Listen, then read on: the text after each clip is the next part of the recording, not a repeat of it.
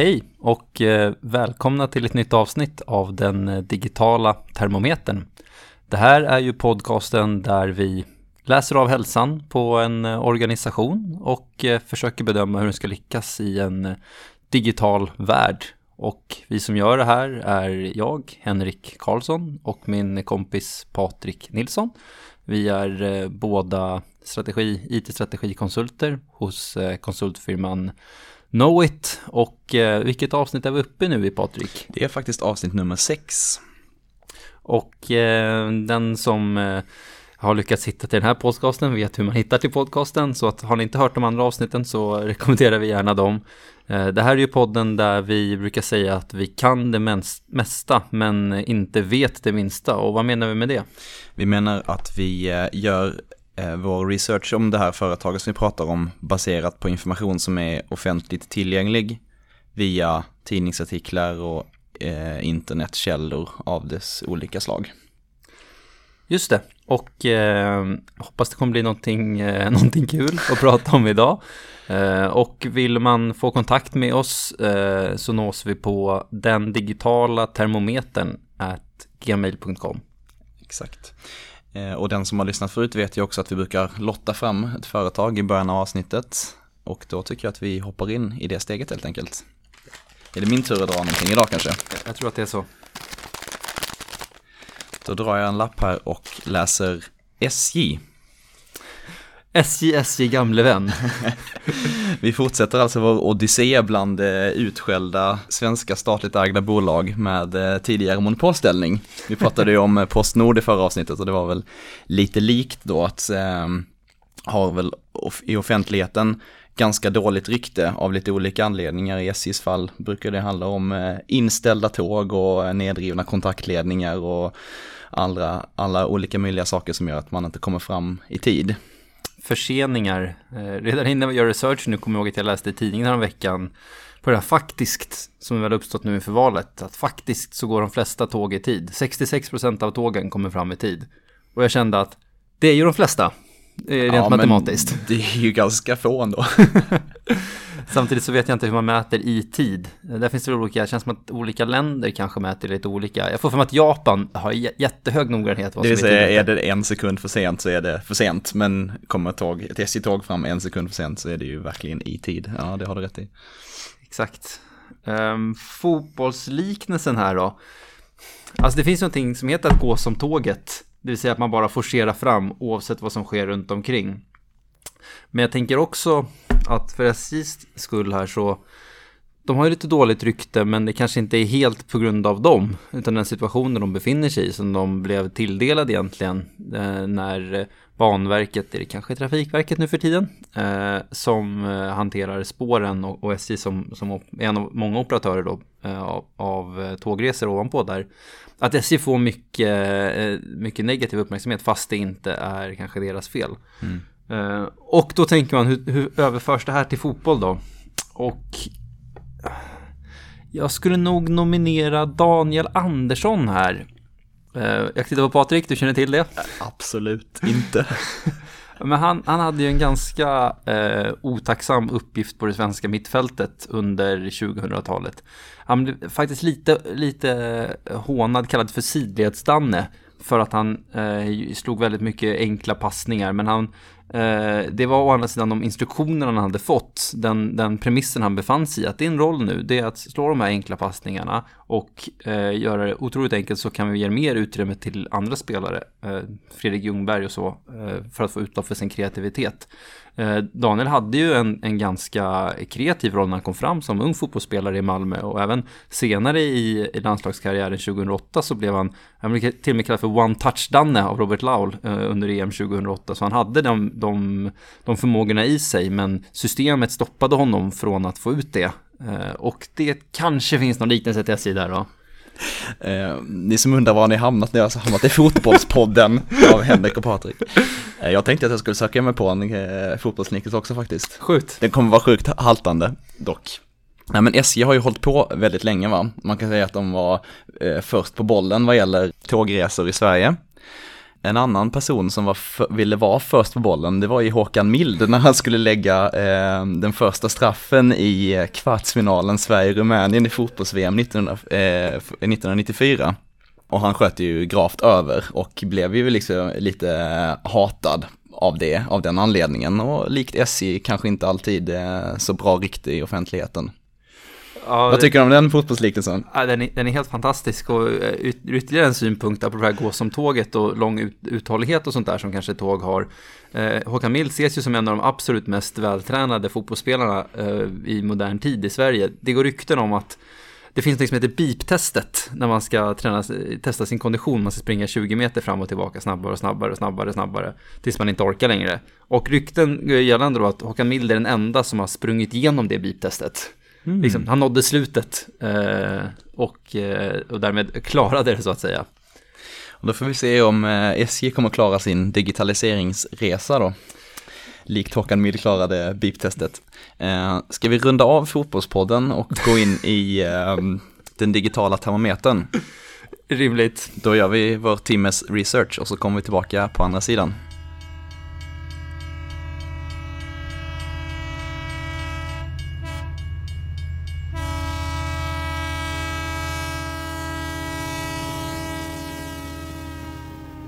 Pang, timmen över och eh, gick som vanligt väldigt fort och man önskar att man hade hunnit läsa på mer, men eh, det är vad det är. Det var det, det är premisserna. Eh, kanske kan nämna här nu eh, någonting som vi inte nämnde i början, att det här är ju faktiskt sista avsnittet före sommaren. Vi kommer ta ett litet sommaruppehåll här under, eh, under juli månad och så räknar vi att återkomma någon gång under augusti med eh, nya avsnitt av den digitala termometern. Men innan vi återkommer så tänkte vi göra klart det här avsnittet. det låter som en rimlig ansats. Eh, men ska vi bara ta lite kort om historiken, SJs historik då. Det är ju ett väldigt gammalt bolag, Statens järnvägar, eller Kungliga järnvägsstyrelsen, som grundades någon gång på slutet av 1800-talet. Formellt inrättades 88 och då slog man samman styrelsen för statens järnvägsbyggnader och styrelsen för statens järnvägstrafik. Och jag tror att de här olika delarna, en var liksom ansvarig för att anlägga stambanor som skulle liksom byggas för att kunna köra tåg på egentligen. Och ett annat eh, var väl ansvarig för eh, ja, järnvägsbyggnaderna som sådana, typ, eh, ja, det som kanske järnhusen gör idag med liksom förvaltarstationer och sånt. Men eh, sen hände ju, 1988 så bröt man ut det som var just banavdelningen, det som sen blev Banverket då. Och det i sin tur gick 2010 upp i Trafikverket, som du var inne på lite i inledningen här, det är så det hänger ihop då. Eh, och sen eh, började man ju driva någon omorganisering och modernisering av SJ 1998 eh, när man tillsätter en ny generaldirektör vid namn Stig Larsson. Inte den Stig Larsson och inte heller den andra Stig Larsson utan den tredje Stig Larsson. Som kanske också var först. Som kanske också var först, precis. Man hade faktiskt också busstrafik som man knoppade av och bildade ett bussföretag som man slog samman det med ett annat bussföretag och bildade Svebus. Det är intressant att det kommer från SJ. Mm. Eh, men man bolagiserar alltså bolaget 2001 eh, och det är ett helägt statligt bolag med uppdrag att bedriva lönsam persontrafik med tåg. Svårare än så är det inte. Eh, bedömer du att det var en bra eller en dålig idé att bryta upp det här i Banverket och SJ? Ja, det är väl en, ändå en tydlig uppdelning i verksamhetsområden och så. Sen tänker jag att det, när det började gå riktigt dåligt, det var väl egentligen själva eh, när man avreglerade liksom monopolställningen, när det började komma fler olika aktörer och det blev så här superkomplicerat eh, förhållningssätt mellan å ena sidan Banverket som ansvariga för banorna och driften av dem med ett antal olika tågoperatörer på det eh, och ansvarsfördelningen mellan vem ansvarar för nedrivna kontaktledningar och, och så. Eh, att det kanske då det började bli den här dåliga bilden av SJ som att det alltid, tågen alltid kommer för sent och så. Jag, jag vet inte om det var då, men det är väl min bild i alla fall. Jag tror att kanske det är snarare än att eh, man knoppade av Banverket som var eh, dåligt. Jag vet inte, vad tycker du? Jag får för mig att man internationellt sett på ganska, i ganska få länder har gjort den uppdelningen mellan Banverket och, eh, och tågoperatören. Eh, det finns något annat land, om det är Irland eller Sydafrika och sådär, där man har gjort det. Eh, men där man till och med har börjat, börjat integrera dem igen. Och ska man tänka på ett, ett superhögnivåperspektiv så är det lite gammaldags att dela upp någonting. Okej, det här var ju länge sedan så det är rimligt att det är gammaldags då. Men att dela upp någonting efter funktion är ju ganska gammalt. Numera vill man gärna dela upp det efter, efter värdeflöde eller, eller, eller en hel process. Så att då, då kanske en, jag vet inte vad en mer logisk uppdelning skulle vara, men givet att värdet för mig som trafikant är beroende av båda de här nu så är det dumt att dela upp dem. Mm. Den här klassiken, man, man vill alltid undvika att bygga silos, men, men det går inte. Det handlar om vilka silos man bygger. Och numera vill man hellre bygga silos som är i förhållande till eh, end-to-end upplevelsen hos användaren. Jag noterade att de har ganska lite försäljning i sin bistro. Jag var lite chockad över det. Jag tror det skulle vara, vara lite mer, men av intäkterna så är 85% biljettintäkter och 3% bistrointäkter. Jag skulle nog förvänta mig att man skulle vara lite bättre på att liksom, få lite hävstång på att folk är instängda med en enda leverantör av, av föda i några timmar. Det är väldigt bra spaning, men frågan är, eh, man kanske, det är för dyrt typ. Skulle kunna jag vet inte, man tar med sig sina egna grejer. Ja, det kanske inte finns en kultur heller. Man har inte, på flygplan så är det inte så många som har en kultur av att ta med sig egen mat. Eh, men det kanske finns en större sån kultur i, ja. i tågresandet. Lite mer picknickvänligt ombord på ett tåg kanske. Ja, så är det absolut. Men däremot eh, apropå försäljningen så läste jag att 93% av biljettförsäljningen är ju digital, alltså via appen eh, eller hemsidan, vilket känns rimligt för att vi har kommit ganska långt i det. Men när jag tittade på eh, under researchen här, det verkar i alla fall som att SJ var ganska tidiga med att ha så här just obemannade biljettautomater och sånt där. Så att de har ju ändå liksom trots att det är ett gammalt statligt bolag, verkar det i alla fall som att de har ändå någon typ av innovationskraft och testa nya, eh, nya digitala lösningar även liksom, tidigt då. Ska vi gå in lite på de digitala lösningarna? Det kan vi göra kanske, men jag tänkte innan dess göra en liten ut, en kort utvikning om, eh, om, om marknad och hur man kan växa marknad. SJ har ju en svårighet att det är svårt för dem att helt plötsligt bara vilja köra till en ny stad eller, eh, eller hitta helt, helt nya linjer för att det är väldigt beroende av att man lyckas bygga räls eh, på de linjerna. Och där är ju SJ beroende ja, som, av Banverket och av den här Sverigeförhandlingen. Vad jag förstått därifrån så är en lurighet är att väldigt många orter mellan Stockholm, Göteborg och Malmö vill väldigt gärna ha en tågstation i de här snabbtågen inne i sina tätorter. Men nästan ingen är beredd att eh, göra uppoffringar att dra spåren till en sån station. Eh, för att det skulle behöva, eh, då skulle man kanske behöva liksom ta, ta, bort hus som ligger i närheten av spåret idag eller enda allmänningar och idrottsplatser och sånt där. Utan alla vill nästan att, ja men då får ni bygga en bro eller en, en tunnel eller något. Där kan vi jämföra med, eh, med Kina där jag var varit lite tidigare. 2011 så åkte vi tåg från, från Shanghai till en stad som ligger lite söderut, jättevacker, som heter Hangzhou. Och då hade de byggt snabb höghastighetsjärnväg. För övrigt mer än hälften av världens höghastighetsjärnväg är i Kina. Eh, som gick i 250 km i timmen. Supersmidigt, jättemodernt och, och jättebekvämt var att åka. De sålde nudlar på tåget och allting. Eh, det var 2011, så vi var där igen nu förra året, 2017. Då har de byggt en ny järnväg bredvid. Som går i 350 km i timmen. för att de tyckte att den här 250 km i timmen, det var väl lite, lite småfattigt. Och det är såklart eh, fördelen med att göra det här i auktoritära länder är att de kommer bara fatta beslut. Ja, här bor lite folk. Ja, ja, ja, de får väl flytta. Ehm, Medan i Sverige så har vi såklart en demokrati och stora rättigheter för individer. Men det är ju svårighet för, för tågbolagen och för tågsträckorna. Så du förespråkar alltså eh, en eh, marxist-leninistisk enpartistat? är det det, är det det jag hör? Om jag vore eh, tågchef kanske jag skulle göra det. Nej men du har rätt i det, det skulle säkert underlätta eh, extremt mycket. Men också på den här uppdelningen, jag vet inte, liksom, det är inte bara så att Banverket kan dra eh, ny räls vart de än vill så, utan det är ju den här eh, förhandlingssituationen som är, blir komplex då.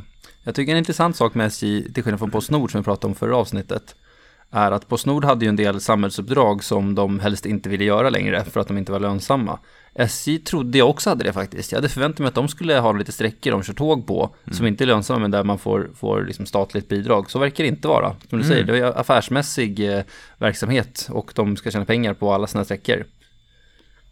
Så det betyder att de skulle kunna lägga ner sträckor egentligen som inte är lönsamma? Jag förväntar mig nästan att de borde göra det. Mm. Ehm, men det är lite märkligt, för flygplatser till exempel i, i glesbefolkade bygder brukar ju ofta vara subventionerade. Ja, just det. Det är sant. Ja. Nåväl, vi väl prata om digitalisering, var det inte så? Eh, no, eh, någonting sånt. Eh, ska vi prata lite om kanske externa digitala tjänster eh, först? Vad tror vi om, eh, Vad tror vi om appen? Ja men appen är ju superbra. Den har ju vunnit eh, designpris och eh, är väl väldigt, eh, väldigt bra helt enkelt. Jag vet inte vad jag ska säga mer, men den har fått bra betyg också på App Store i alla fall. 4,5 eller 4,7 eller något sånt där. Nej men det man kan säga om den, den är väl utvecklad också av ett, eh, de har inte utvecklat den själva vad jag fattat som. Det är något bolag som heter BonTouch som har utvecklat den.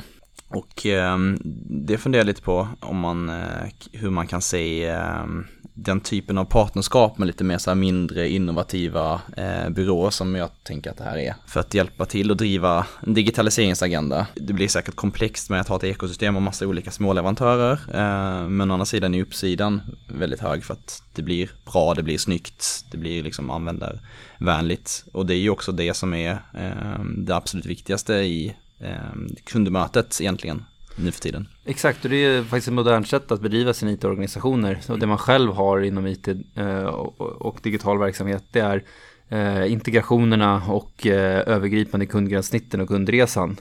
Och sen så försöker man få innovationen från de här nischspelarna. Ganska vanligt sätt att bedriva IT-verksamhet. Mm. Mm. Men överlag är de ju rätt så innovativa. De var ju väldigt tidiga med att ha um, Swish som betalningssätt i appen till exempel. Såg någonstans också att de hade experimenterat med att ha så här chip vid biljettavisering så kan man ha typ använda då man har chip i, i, i handen eller något sånt där. Känner du någon som har ett chip i handen Patrik? Nej, tack och lov inte. Gör du? Eh, ja, det gör jag. Jag försöker komma på vem det är bara. jag vet att jag har, jo, ja, jag har en, en kompis som var tidigt ute med det. Eh, men det var lite svårt att forcera det på, på särskilt många tjänster tror jag. Men bara att SJ, eh, signalvärdet i att SJ har det är väldigt starkt tycker jag. SJ har ju också det här, eh, en ganska stor Internet of Things-agenda. Jag vet inte om det är extern, kundnära IT, kanske närmare intern IT när jag tänker på det. Men det är någon form av innovativ aspekt i alla fall. Att Internet of Things för det första kanske inte alla vet vad det är för något. Det är den här principen att alla prylar kommer ha en liten, uh, en liten internet i sig. Nej, men så Vad är en liten internet? Nej, men kommer vara uppkopplade. Så till exempel eh, toalettdörren. Hur ofta öppnas och stängs toalettdörren? Eh, hur ofta, nu fanns det inte toaletten här, öppnas och stängs toalettlocket. Nej, men hur, hur, mycket har, har bromsklossarna slitits? Mm. Eh, och tanken som de har är att koppla upp alla liksom alla saker som kan kopplas, kopplas upp eh, för att hela tiden i realtid, eller hyfsad realtid, dagen efter i alla fall kanske, kunna monitorera behov av underhåll och behov av service och därmed då minska risken att det blir fel, till exempel att dörrarna inte går att öppna eller går att stänga. Ja, exakt, eller man måste till och med ställa in en avgång för att tåget inte är körbart. Exakt. Mm. Estimatet här var att varje X2000-tåg ska skicka en miljard datapunkter i timmen. Det, det är mycket information att processa. Ja, men man ska huvudräkna lite. Eh, säg att varje datapunkt, det är säkert inte jättemycket data i varje sån punkt, men det är en byte. Det är åtta bitar, då kommer man få plats med ett värde mellan eh, 1 och 256. Anta att det är det som skickas. Då är det ändå eh, alltså en gigabyte i timmen per tåg. Eh, säg att den kör 10 timmar per dag, 200 dagar i veckan, eller 200 dagar om året. Då är det 2 terabyte per tåg om året. Hur många, hur många X2000-tåg finns det? Några hundra kanske? Ja. ja, men då är det ändå ett antal hundra terabyte data per år som man kommer samla in. Och eh, det verkar inte alls som att det här kommer göra att de blir väldigt duktiga på att förutse servicebehov och därmed minska risken för fel som är triggade av dem själva. Samtidigt nedrivna kontaktledningar är ju inte riktigt SJs fel. Så det kommer man ändå inte komma runt för det känns som att det är den mest vanliga orsaken till att tågen inte går eller inte kommer i tid. Tror du det? Var det, det var väldigt specifikt, är det verkligen? Nedrivna kontaktledningar? Jag tycker det är, det är oftast man hör det, alltså är det inte det? Ja, det var lite anekdotisk bevisföring ja, är, här i den digitala termometern. Det är så vi jobbar. Digitaliseringsansvaret hos SJ ligger ju på eh, affärsutvecklingsenheten och inte, inte på IT då. Det är väl i och för sig mm. rimligt på ett sätt. Men ligger inte IT också under affärsutvecklingsenheten? Jo, IT ligger också under affärsutvecklingsenheten. Men det är ju är chefen för affärsutvecklingsenheten som har det här uppdraget att driva digitaliseringsagendan och, och, och inte IT-chefen om jag fattar saken rätt.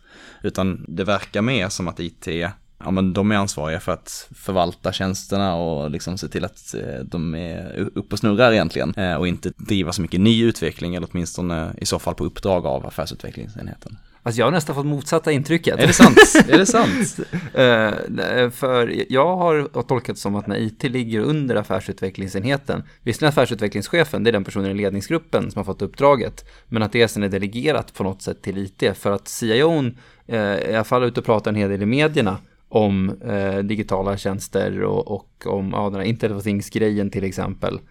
Um, men samtidigt så kanske det ligger mer, ännu mer konsumentnära saker kanske ligger utanför. Det brukar ju vara ganska vanligt. Ja, så kan det vara. Jag baserade lite på, jag läste en eh, artikel med det passande namnet Så ska SJ bli bäst på digitalisering. Där det var en intervju just med eh, chefen för affärsutvecklingsenheten då, som ju pratar väldigt mycket om, ja egentligen bygger hela artikeln på eh, den här digitala transformationsresan som då han är, är ansvarig för, där man i, i, i tre steg på fem års sikt då ska liksom lägga grunden för eh, hela den framtida eh, digitaliseringen med bak, liksom bas i typ kundfokus och kundbeteende, kundkartläggningar. Också det du var inne lite på med ehm, eh, förutsättningar för det, datainsamling och alla de här eh, datapunkterna som man kan samla in och skapa arkitekturen för det. Det nämndes inte så jättemycket om vad ITs uppdrag var i det. Mm, mm. Eh, men det var ju också bara en artikel i sammanhanget. Det som dessutom var faktiskt ett eh, annonssamarbete med tidningen Chef och SJ så att man kan väl kanske ta det med en nypa salt då. Eh, och detaljgraden den var väl inte så hög heller. Men de ligger väl hyfsat bra positionerade för att kunna använda den här datan. Han som är CIO, han har ju en eh, lite business, business intelligence analytics bakgrund och IT governance bakgrund. Verkar vara en extremt kompetent figur. Så att, eh, och, och, också en, en, en ung person förhållandevis i alla fall, snarare än en eh, en som har mängder med CIO-roller bakom sig och, och, mer erfarenhet men kanske inte lika, lika framåt. Så jag tror att den ligger ganska bra till där ändå, skulle mm. jag nästan förvänta mig. Mm. Men eh, IT är inte representerad i koncernledningen mer än genom då den här chefen för eh, affärsutveckling. Mm.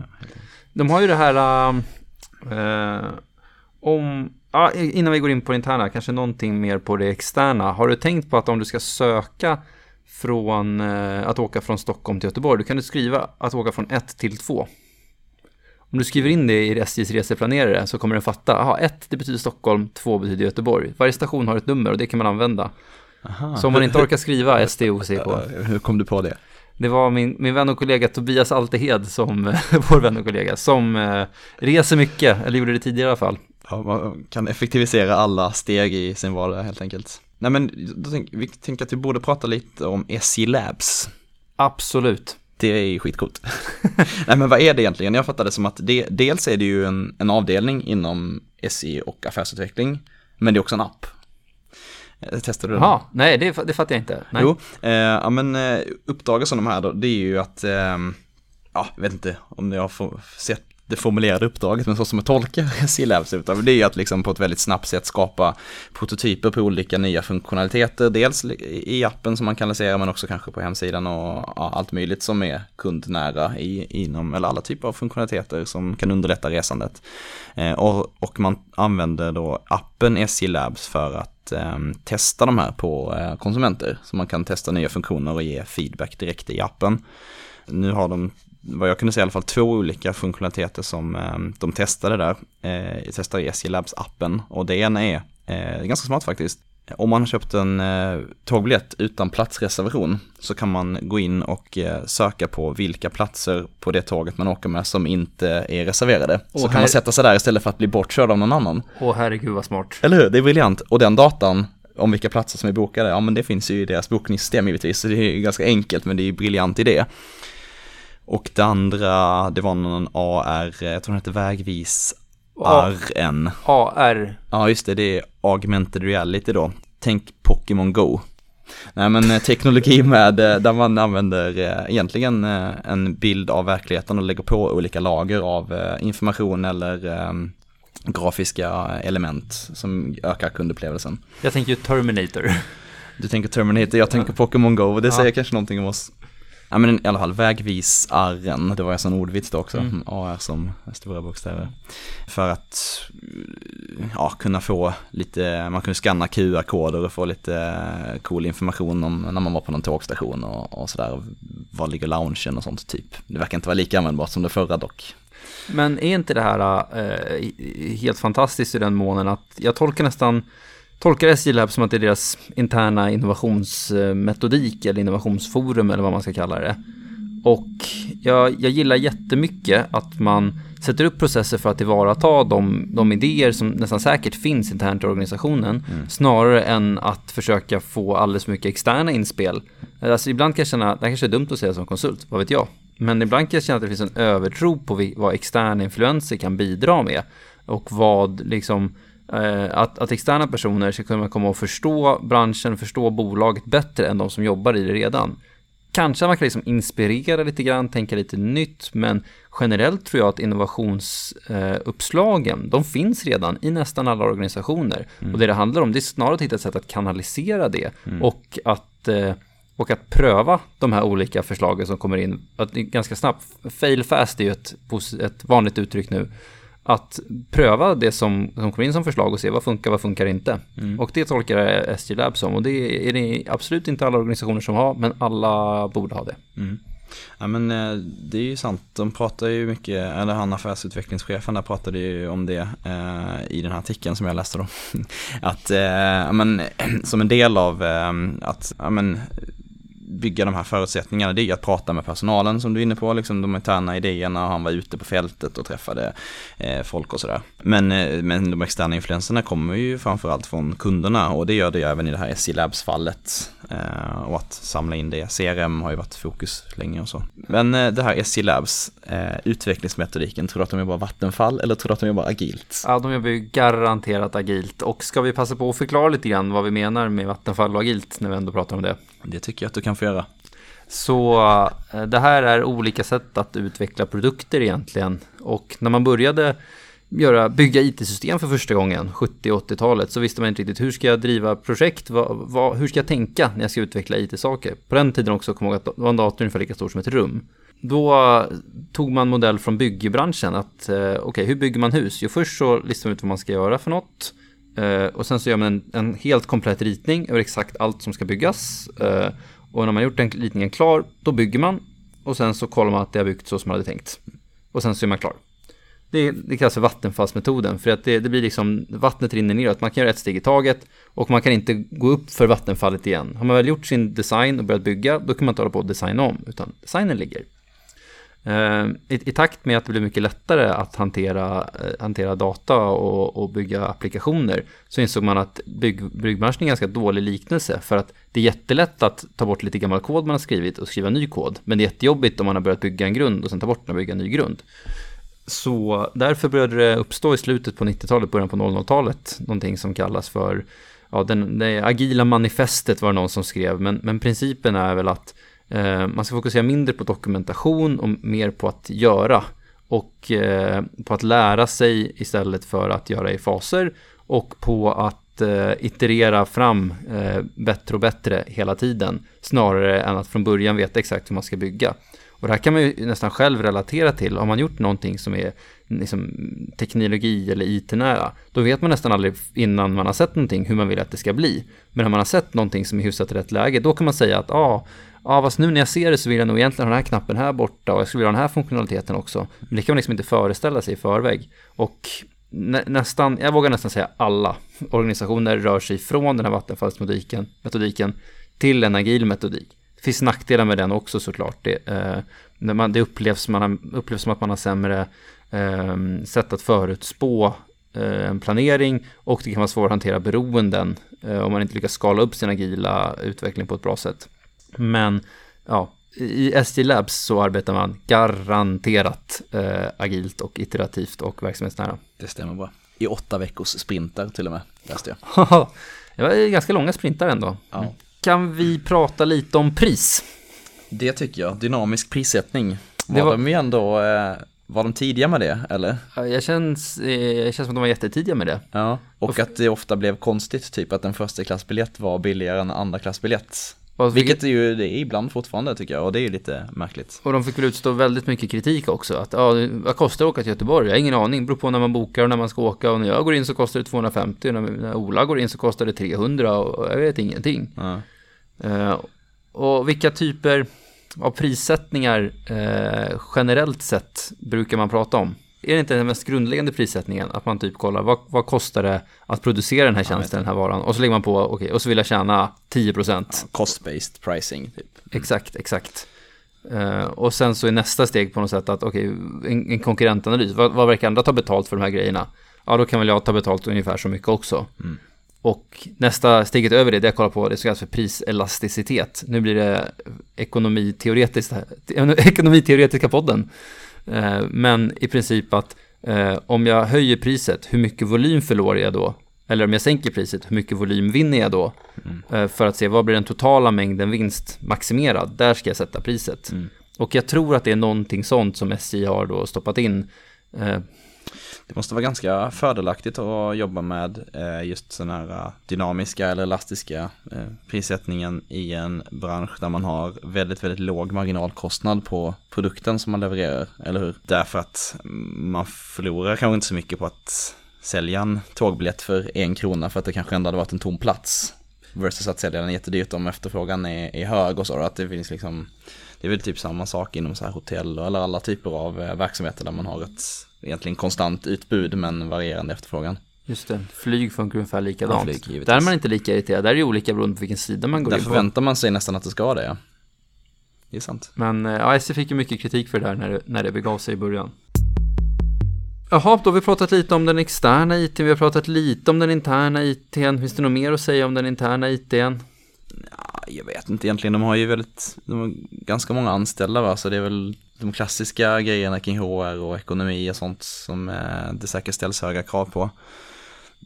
Den är inte lika spännande att prata om heller. Nej, vi kanske kan strunta i det. De hade bara 55 anställda på IT-avdelningen såg jag, på 150 system. Så de har säkert en väldigt stor outsourcing, ah, outsourcing-andel. Men, och, och, men om man ska sammanfatta då den externa biten så är, har de varit ganska tidigt ute. De har handscanners för alla, eh, alla um, konduktörer, eller tidigt ute, jämfört med vad då? Exakt, det går, finns inget att jämföra med riktigt. Nej, nu för De är, om man jämför med hur det är i eh, då, utlandet inom situationstecken, där är ju, känns det ju som att allting är stenålder egentligen, med biljettsystem och sådär. Men det känns också som att de har experimenterat ganska mycket genom åren med um, men eh, e-biljetter eller biljetter som man får via mail och ett tag kanske man var tvungen att skriva ut dem, jag vet inte. Eh, men sen att landa i det här med eh, då QR-koder som man kan ladda ner till sin, i appen egentligen eller till Apple Wallet om man nu har en iPhone. Konkurrenter, nu finns det ju konkurrenter, MTR är ju en konkurrent och där tycker man ju att SJ.se borde också visa tåg från MTR. För man tycker att SJ.se byggdes upp under monopoltiden som den naturliga punkten för folk att söka tågtjänster. Vilket nog är sant om man ska vara ärlig. Mm, men vilket det också gör väl? Eller inte MTR-tåg där också? Snälltåget och sådana andra operatörer syns ju på SJ.se ja, ibland. Vissa, vissa operatörer, men inte MTR. Och det är okay. MTR en smula irriterad över. Kanske rättmätigt, vad vet jag. Jag tror att de har anmält dem till någon, till någon domstol. Konkurrensverket kanske? Eller något. Eller något. Ska vi snacka framtid? Det tycker jag. Det känns ju generellt sett som att de har ganska bra eh, förutsättningar. Dels eh, den här eh, affärsutvecklingsenheten som är ansvarig för eh, digitaliseringsagendan med en tydlig eh, plan på ett par års sikt. Ganska stabil IT-leverans verkar det som. Vi har eh, ju SJ Labs och alla de här experimentella aktiviteterna som pågår. Eh, fokus på kund och kundresan framtiden ser väl ganska ljus ut ur ett digitaliseringsperspektiv ändå tänker jag. I den mån man kan digitalisera en tågresa. Men där har man ju gjort mycket. Det jag funderar det som saknas, det är helt i tågvärlden. Det är ju en aggregerare på internationella tågresor. Det är, ja. Särskilt nu med när miljötänket blir större och större i, i världen och i Sverige. Att eh, det inte går att boka en tågresa till Paris. Nej, det är superkomplicerat. Jag vet inte hur man gör det ens. Måste man gå in på typ eh, Deutsche Bahn och eh, vad heter den här franska tågoperatören? Ja, exakt. Ja, var, var, varje land. Det är otroligt ja. landorienterat. Och SJ eh, hjälpte ju till med utländska bokningar fram till 2014 då man la ner det. För att det var för mäckigt och hitta ingen lönsamhet i det. Och, och, till och med om man vill chartra ett tåg och liksom köra, ja det är för sig rimligt att det är jäkligt jobbigt att chartra ett tåg för att det är, är svår, mer svårplanerat än att chartra ett flyg till exempel. Men, men, men det finns liksom, dels finns det säkert kulturella problem med att olika länder av gammal hävd alltid har hanterat sin egen tågtrafik och inte internationellt. Men det finns ju också lite praktiska problem. Alltså när, när, när fiendemaktens tåg kommer i händelse av invasion, då är det ganska smidigt att de inte kan köra på ens egen räls. Ja, så, så, det är olika rälsbredd och äh, olika ehm, spänning kanske och frekvens på växelströmmen i elförsörjningen. En, en massa sådana saker. Så lätt som mellan Stockholm och, eller mellan Sverige och Danmark är det olika. Så på Öresundsbron så kör man ju med både, de har specialtåg som både kan åka på svenska och på danska rälser. Och så byter den mitt på bron från det ena systemet till det andra. Och bara, bara en sån sak, det försvårar också jättemycket då, för ska du åka då tåg från, säg från Stockholm till Paris, då måste du passera Öresundsbron. Då måste du dels byta tåg i Malmö till det här lilla specialtåget som du åker till Köpenhamn med, så måste du byta tåg en gång till. Mm. För att det är bara mitt emellan här som det här bytet kan ske. Hade man istället då kunnat bestämma sig för att, ja men då bygger vi bara dansk räls fram till Malmö, eller vi bygger bara svensk räls fram till Köpenhamn, då hade man i alla fall kunnat byta på Köpenhamns eller Malmö centralstation en gång istället för två gånger. Just det. Men det kan inte vara den stora komplicerande faktorn att man måste byta tåg, tänker jag. Flygtrafiken klarar ju det, eller flygbolagen klarar ju det rätt så bra med byten och så. Ja, det är sant, men det är ju heller inte vid varje landsgräns. Ja, det är inte riktigt varje landsgräns heller. Det går att åka över landsgränser. Men, ja, och, och, men då är det kanske ännu konstigare. Varför kan det inte finnas någon aggregator? Varför, varför är det så vansinnigt svårt? Ja. Det vore intressant om man eh, skulle få ställa en fråga till någon som jobbar på SJ som vi brukar ta som sista, eller i alla fall en fråga till den ja. Eh, representant för det företaget vi pratar om just det avsnittet. Det är ju inte en person på SJ alltid utan det kan ju vara olika för olika företag. Eh, men då skulle väl det kunna vara en intressant fråga. Vad är liksom de stora utmaningarna med det? Eh, om det är just de här olika systemen eller om det är eh, av hävd eller något annat. Det vill säga att man har skyddar sin egen verksamhet och liksom inte vill, eller att det finns ingen lönsamhet egentligen. Eh, jag skulle också vilja fråga om man har tänkt någonting kring liksom lands, landskonsolidering. Eh, att slå ihop liksom järnvägar från flera olika länder. Som mm. man har gjort med Postnord. Det var inget jättesuccé-exempel kanske.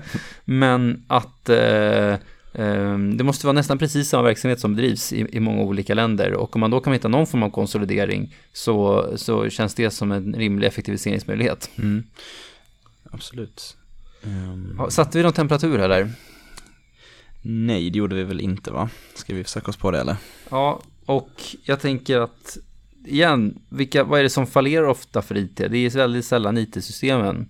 Så att jag tänker internt, då kanske det är 40-45 grader om man ska ta på en skala 0 till 50. Och så har vi ytterligare 0 till 50 externt då. Eh, där tror jag att man kan bli lite bättre. Bara, man, man har ju ingen täckning med telefonen på tåg mellan Stockholm och Göteborg. Det är också väldigt märkligt och det beror på massa saker. Och den här SJ ombord, alltså äh, internettjänsten är ju inte heller den allra bästa faktiskt. Exakt, så där får de 25 grader av mig och då landar de kanske i 70 grader totalt då, vilket är ganska högt. Ja, men samtidigt om man ska blicka framåt med den här kraften kring äh, liksom viljan och ambitionen så jag, skulle jag nästan vilja lägga på ytterligare 10 grader faktiskt. Okej, okej, okej. Ska säga 85? 80 kan du få. 80. 80 Då säger, säger vi 80. Bra. Eh, jag har en liten surprise här som avslutning. Berätta. Eh, där, nu pratar vi om SJ eh, och åka tåg. Och jag tänkte vi skulle avsluta den här podden med att berätta om vilket företag vi ska prata om i nästa podcast genom att köra en liten På spåret här. Ah, spännande. Så, så nu tänker jag sätta dig på prov lite grann Patrik. Ja, vad kul. Då ska vi se om våra klippare kan få igång På spåret-musiken här i bakgrunden. Eh, men jag tänker att ja, ja, i sann Christian Lok-anda så eh, börjar vi på 10 poäng och så räknar vi neråt och så får du säga till när du, när du tror du kan mm. eh, och, och, skriva ner det svaret du tror att det är. Yep. Eh, och det vi söker är då alltså ett företag eh, som är applicerbart för den här podden. Men jag ska alltså inte säga vad svaret är, utan jag ska bara skriva ner jag det. Jag tänker att du bara ska skriva ner så att vi, så kör jag hela vägen 92 poäng så att våra lyssnare kan få chansen okay. att eh, gissa själva. Och så får ni se om ni kan besegra Patrik då, i den här lilla tävlingen. Kommer jag aldrig gå och bevisa om jag hade rätt eller fel heller. Ja, jag noterar vad du skriver ner här, du får skriva på litet papper. Det är jag som ansvarar för att klippa, så jag kommer att klippa bort det sen. Nåväl, eh, okej, okay, då kör vi. Yep. Spännande. På 10 poäng. Vi åker mot trakter för James, Lars och Kirks gebit och mot den näst största orten i landskapet. James, Lars och Kirk.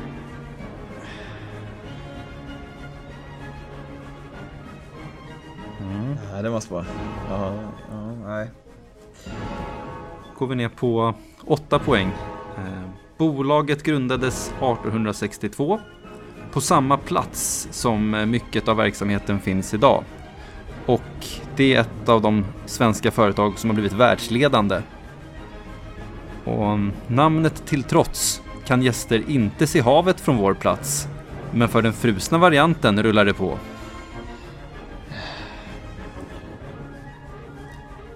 Namnet till trots kan gäster inte se havet från vår plats, men för den frusna varianten rullar det på.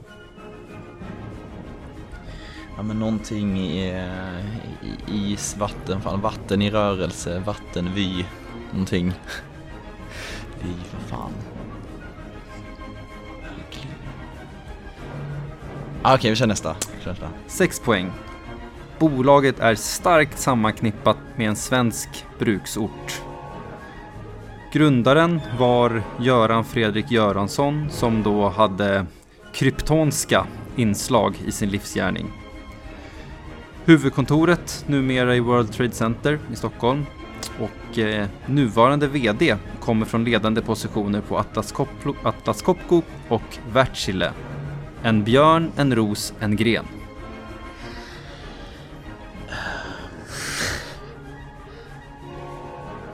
Ja, det är inte så enkelt. Nej, det är verkligen inte enkelt.